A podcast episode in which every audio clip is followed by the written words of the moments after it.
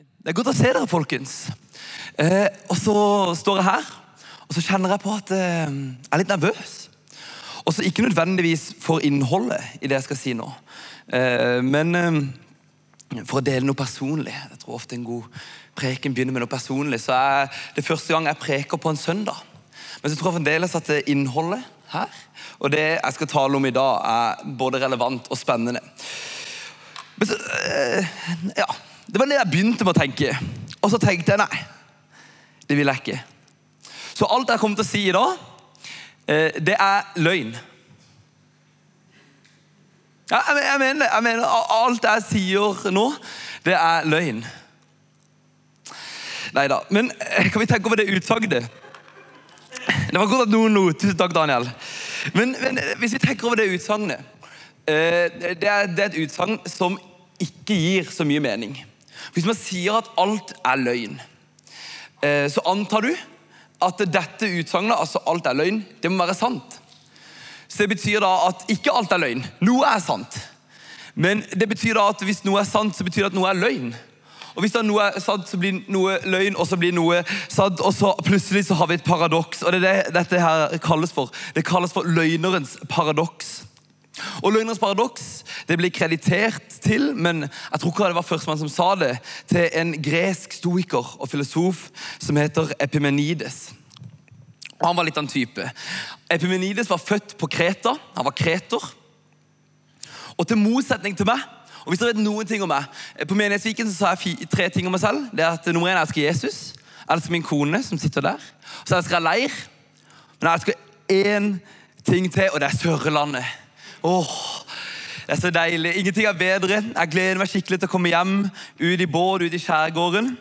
Men han var litt annerledes, han Epimenides. Han hata Kreta og kretere. Han sier det at hvis eh, at det er ikke så mange ville beist her på Kreta. Og det har med at de er blitt, blitt bytta med mennesker. Fordi de er noen løgnere, og de er beist, og de er helt ville. Og så stemte det nok til dels. Det er jo aldri helt sånn, noen ting, men det stemte nok noe. For fordi dere skjønner På Kreta eh, så hadde de jo gresk mytologi. og Hvis dere husker tilbake for noen av dere, dette må være i hvert fall 60-70 år siden, til historietimen på, på, på, skolen, så var gresk mytologi det handler om Sevs og Herkules og disse gudene her. Jeg skal nærmere munnen. Tusen takk, Erik. Det er mye lettere med mygg. Men Sevs og disse. Og dette, mm, men på Kreta de kjøpte ikke dette. De kjøpte ikke disse gudene som var henta inn fra, mm, fra Aten. Og de tenkte at Saus han var født, oppvokst og død her på Kreta. Og, og, og, og Saus i, i, i, på en måte kretisk mytologi, som det kalles av noen, han var mer som Loke i norrøn mytologi. Han var en løgner og en skøyer. Han likte å ikke sant, eh, eh, være litt med damene, for å si det sånn. Eh, han var, han var en villbass. Og dette så de opp til da på Kreta. Og det er der vi kommer til dette sitatet alle kretere er løgnere. Og senere, dere som er glad i gresk, eh, så blir kretsio, som kommer fra eh, kreter, det betyr en løgner. Så rett og slett, så hvis du kalte noen en kreter, så kunne du også kalle dem for en løgner. Og Hvorfor er dette i alle dager står jeg snakker om Kreta og gresk filosofi og sånne ting? Jo, fordi dette er konteksten til Titus sitt brev. Eh, Titus, som kanskje flere av dere vet, han var en følgesvenn av Paulus. Litt som Timoteus, og det står om han spesielt i andre korinterbrev. For han hadde tatt med dette brevet fra Paulus, som da sitter i fengsel, til kirka i Korint. Eh, for å rydde opp i den og rydde opp i problemene de hadde der.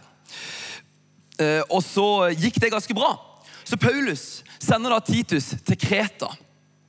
Eh, og forskjellen på Kreta og Korint og det som er det spennende her, det er at dette brevet til Titus det er, det er det eneste brevet i Nytestamentet som er skrevet til en kirkeplanting.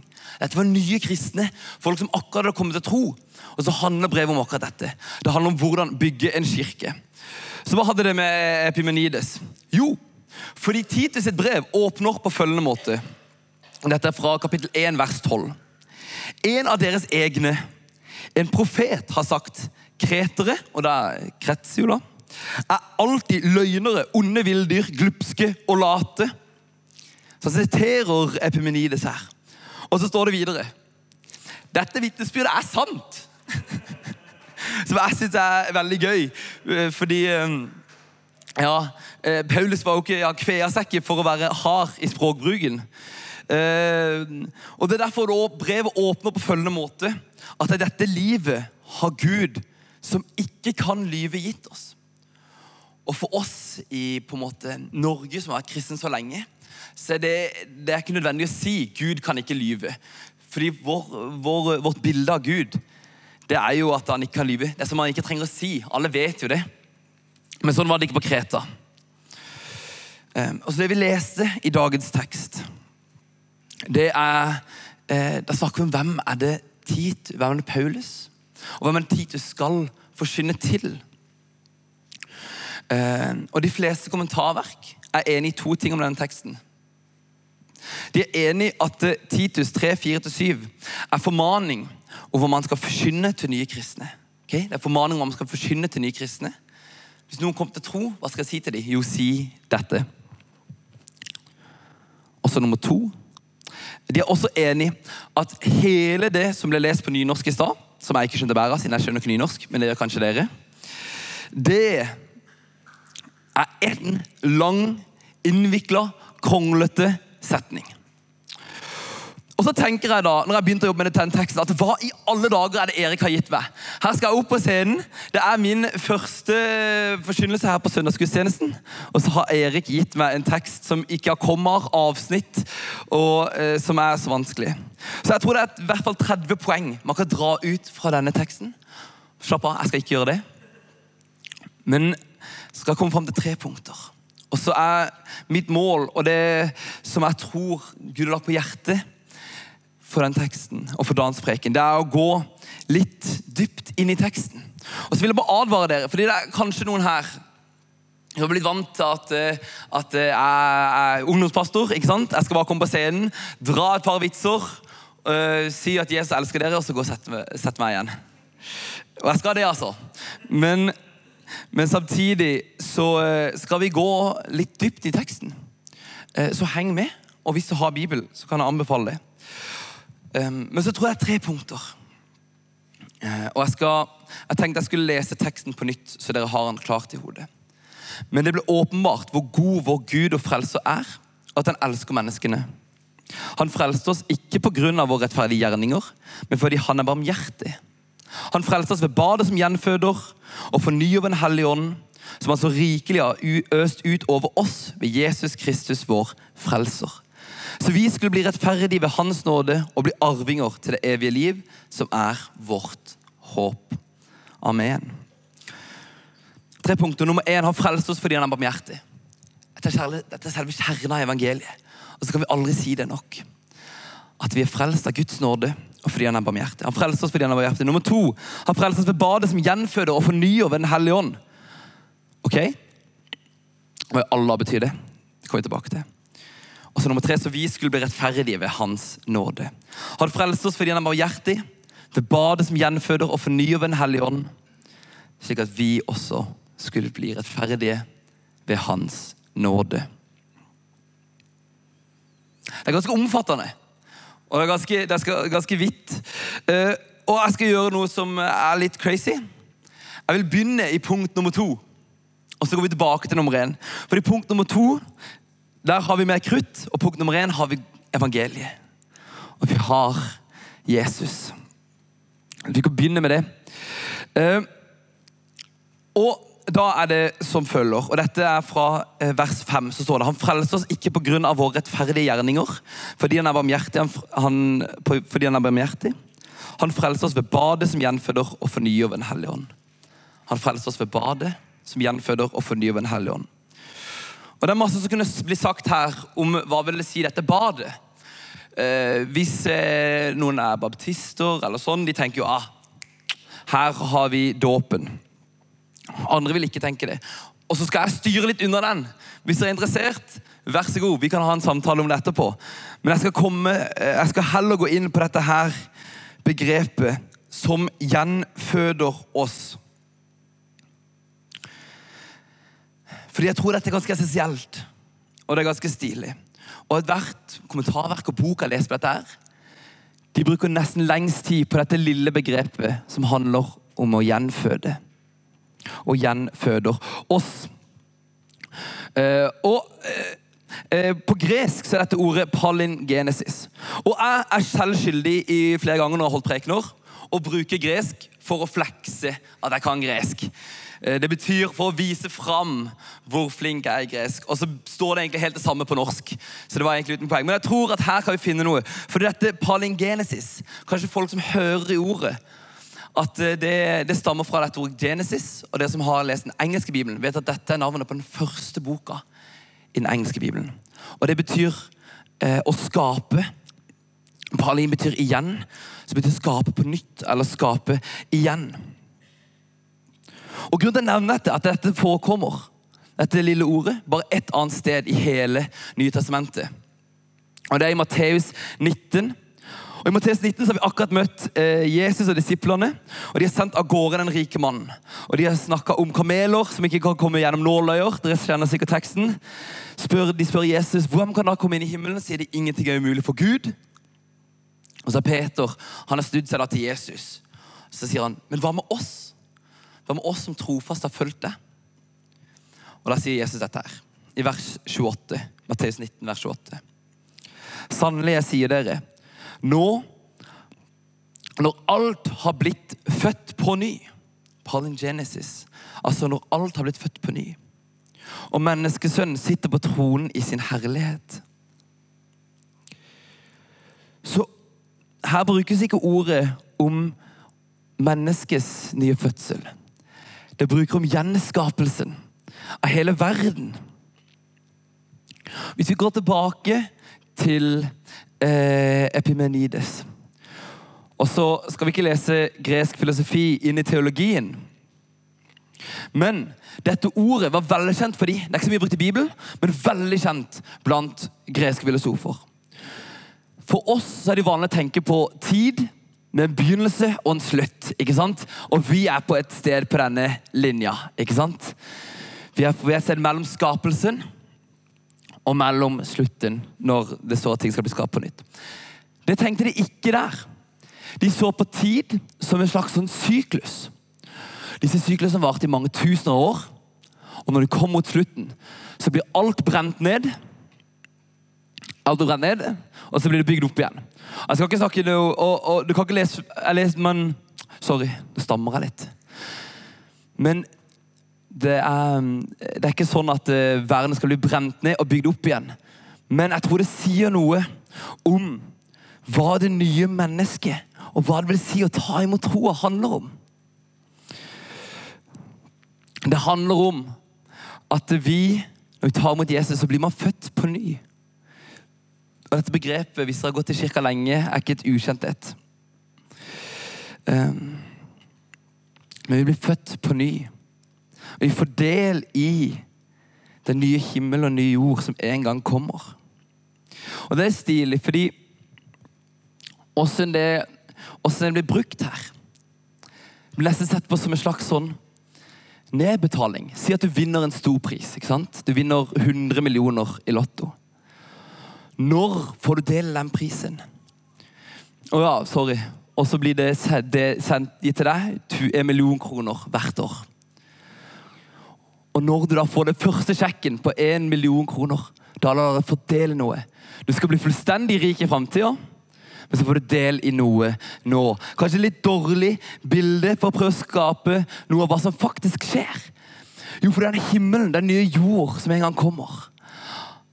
Den får vi lov til å ta del i nå ved at Den hellige ånd kommer inn i oss. Og Så skal vi gå tilbake igjen til punkt én her. Men før vi gjør det, så er en av mine favorittfilmer det er en film, eller filmserier, det er en filmserie som heter Back to the Future. Og for dere som ikke har sett, sett den, Det er tre filmer. Og Da er det Marty McFly og hans eh, eminente mentor, som eh, kan minne litt om en Einstein-karakter, har lagd en tidsmaskin. Som de kan reise i tid med. I første filmen så reiser de tilbake i tid. Og det som skjer da, at De handlingene som skjer før i tida, de får konsekvenser for nåtida. Og i den andre filmen så reiser de framover i tid. Og den ser litt på ok, Hvis du tar med deg noe som skjer i framtida, tilbake nå, så får det konsekvenser. Så punkt to var som film to, Back to the Future to, hvor det som skjer i framtida, den nye himmel og nye jord som skal bli skapt, at vi får lov til å ta litt del i den allerede nå. Allerede har vi kommet i Guds rike, men ennå ikke så er det fullstendig. Så punkt én, da. Det er her vi kommer til evangeliet. I vers 4 så står det men det blir åpenbart hvor god vår Gud og frelser er, og at han elsker menneskene. Han frelser oss ikke pga. våre rettferdige gjerninger, men fordi han er barmhjertig. Og så står det òg i Skal vi se står det òg i vers 7, 6 og 7 som altså rikelig har øst utover oss ved Jesus Kristus, vår frelser, så vi skulle bli rettferdige ved Hans nåde og bli arvinger til det evige liv, som er vårt håp. Troen på Kristus, det er tro på et evig liv. Vi var arvinger til, til et evig liv, og det er der vi har vårt håp. Men så skjønner vi det, og det er her kjernen er. Og det er kanskje mange som har hørt det mange ganger. Men det hviler ikke på våre rettferdige gjerninger. Det hviler kun på hva Kristus i fortiden gjorde for oss. Og lenge så skjønte jeg dette. Jeg tror det er to nivåer her. Lenge så tenkte jeg at Gud han frelste oss fra vår synd. Selvfølgelig gjorde han det. Amen og halleluja. Men jeg sleit litt med å skjønne dette her med at vi er ikke frelst av våre rettferdige gjerninger. Og når jeg var ganske tidlig i ungdomsårene, når jeg var rundt 15, 16 og 17, så var meg og noen av mine gutter Vi hadde funnet ut yes, vi digger Jesus. Og vi skal gjøre alt for Jesus. Det var vår, det var planen. plan. Vi vil gjøre alt for Jesus. Eh, så vi finner ut ok, hvordan skal vi gjøre dette. Jo, vi må leve riktig av. ikke sant? Vi må, vi må vite hvordan vi skal leve. Og, og ikke sant, Som 17-åring har ikke peiling på hvordan livet fungerer. Ikke at jeg er så mye eldre enn 17 nå, men litt i hvert fall. Eh, så, så, så vi gir oss ut på at vi setter opp et nytt sett med regler som vi burde holde. For Vi vet at vi er liksom skikkelig kristne. Som eksempel alkohol.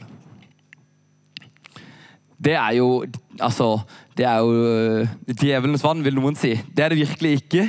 Men det er liksom vi tenkte, hvis du var skikkelig kristen, da drakk du ikke alkohol. Eh, og så var det ikke noe vi sa høyt, men vi, liksom, vi tenkte det. Vi visste det. Og vi var sånne som hadde med Bibelen når vi gikk på fest. Så når det var fest og alle var der, tenkte vi skal ha lys. Vi sitter i et hjørne, oss fem gutter, og leser eh, fra Efesene, mener jeg husker på en av de. Og du er rimelig sær hvis du sitter og leser Bibelen på fest. Fordi jeg visste det, jeg, jeg var usikker på, og så innerst inne var redd. Fordi jeg visste det, jeg, jeg var usikker på hva jeg hadde faktisk satt imot troa. Så jeg prøvde å fikse det på egen hånd. Jeg prøvde å leve et liv som var så bra og så kristent at jeg i hvert fall skulle komme inn i himmelen. Men det er dette som vi tror at Kristus snur på hodet med å stå på korset. Fordi gjerningene kan aldri komme før nåden. Gjerningene kan aldri komme før frelsen. Ikke sant? Og der vi kommer inn i punkt nummer tre og det, Hva betyr det for oss i dag? Fordi Han frelser oss fordi han er barmhjertig, fordi han er god. Han frelser oss med badet som gjenføder og fornyer Den hellige ånd, slik at vi skulle bli rettferdige ved Hans nåde. Og Hvis dere leser hele Titusbrevet, så bruker Paulus masse masse tid på å snakke om hvordan skal dere leve. Bruker masse tid på hva som sømmer seg for en kristen. Han bruker masse tid på og, uh, hva skal en uh, presbyter, eller hva skal en embetsmann i kirka, eller hva, hva skal de forskjellige rollene gjøre? Og så tror jeg at han tar med dette som en slags avslutning på hele boka, for å si noe om rekkefølgen dette må komme i.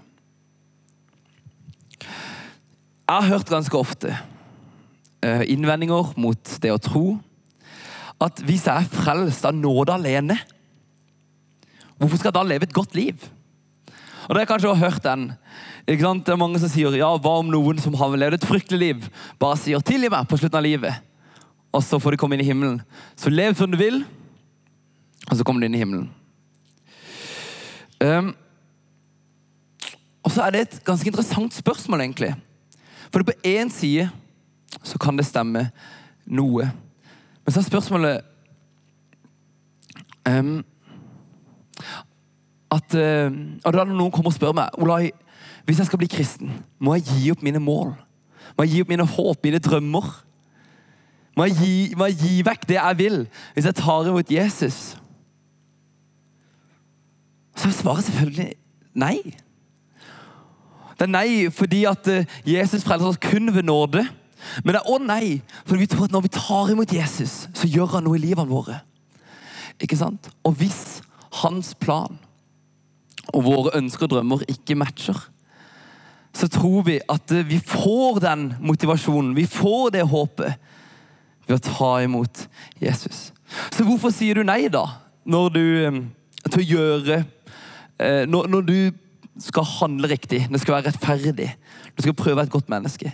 Sier du nei fordi du er stolt? Sier du nei fordi du er frykt for å ikke komme i himmelen? Eller sier du nei fordi du elsker Jesus og du vil være med han? Og så, eh, Vi er mennesker, og dette gjør man feil hele tida. Og det tror jeg. Men jeg tror at eh, i vers 8 sier Paulus en liten nøkkel til om dette. Jeg skal lese det for dere. Fordi Etter han er ferdig, så sier han dette er troverdige ord. Og at, skal, du skal innprinte det. Og de som kommer til tro på Gud, blir ivrige etter å gjøre gode gjerninger. Um, og vi tror jo at uh, reisen med Jesus og reisen med troa den handler ikke om at vi skal forandre oss, at vi skal gjøre så mye riktig, at vi skal prøve vårt beste. Selvfølgelig så kan vi ta, kan vi ta del i det, men det handler om at Jesus hjelper oss i det. At han hjelper oss til å bli ivrige. Han hjelper oss til å få mot, og han hjelper oss til å komme igjennom. Og Det er derfor det står litt tidligere i kapittel 2 vers 11. Jeg sa det skulle bli litt nerdete, så jeg håper det henger med. folkens. For Guds nåde er blitt åpenbart til frelse for alle mennesker. Og den oppdrar oss til å si nei til det gudelige liv og verslige lyster og leve forstandig, rettskaffent og gudfryktig i det verden som nå er. Og Dette er hva som ofte blir kalt for den dyre nåden. Og så har jeg lyst til å lese et sitat fra en, fra en bok som sikkert mange her har lest, som gjorde mye med mitt unge liv, av uh, tysk teolog Dietrich Bonhoeffer. Og kunne snakke mye om Han Og Han har en bok som heter 'Etterfølgelse'. Og så er dette hentet fra kapittel 1, hvor han sier Billig nåde forkynner tilgivelse uten omvendelse. Billig nåde er nåde uten etterfølgelse, nåde uten kors, nåde uten den levende Jesus Kristus. Han som ble menneske av kjøtt og blod. Den er dyr fordi den kaller til etterfølgelse. Den er nåde fordi den kaller oss til å følge Jesus Kristus. Den er dyr fordi den koster et menneskeliv. Den er nåde fordi den er først Sorry. Den er, den er nåde fordi den er først slik den gir et menneskeliv. Den er dyr fordi den fordømmer synden, men nåde for han rettferdiggjør synderen. Framfor alt er nåden dyr fordi den kostet Gud dyrt. Fordi den koster hans sønns liv dere er kjøpt, og prisen er betalt. Og fordi det som er dyrebart for Gud, ikke kan være billig for oss, dyr nåde er at Gud ble menneske. At Gud kom ned. Slik at ikke våre handlinger Ikke hva vi gjør, er det som, er det som får oss Det gjør oss arvinger til det evige liv. Og det håpet men nettopp troa på hva Jesus gjorde på korset.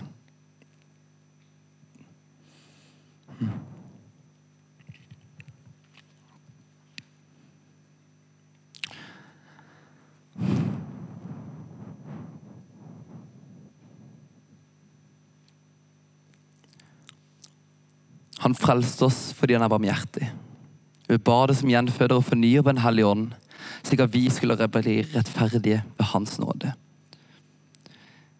Det betyr ikke at vi aldri kommer til å handle etter egne lyster. Det betyr ikke at vi aldri kommer til å feile. ikke sant?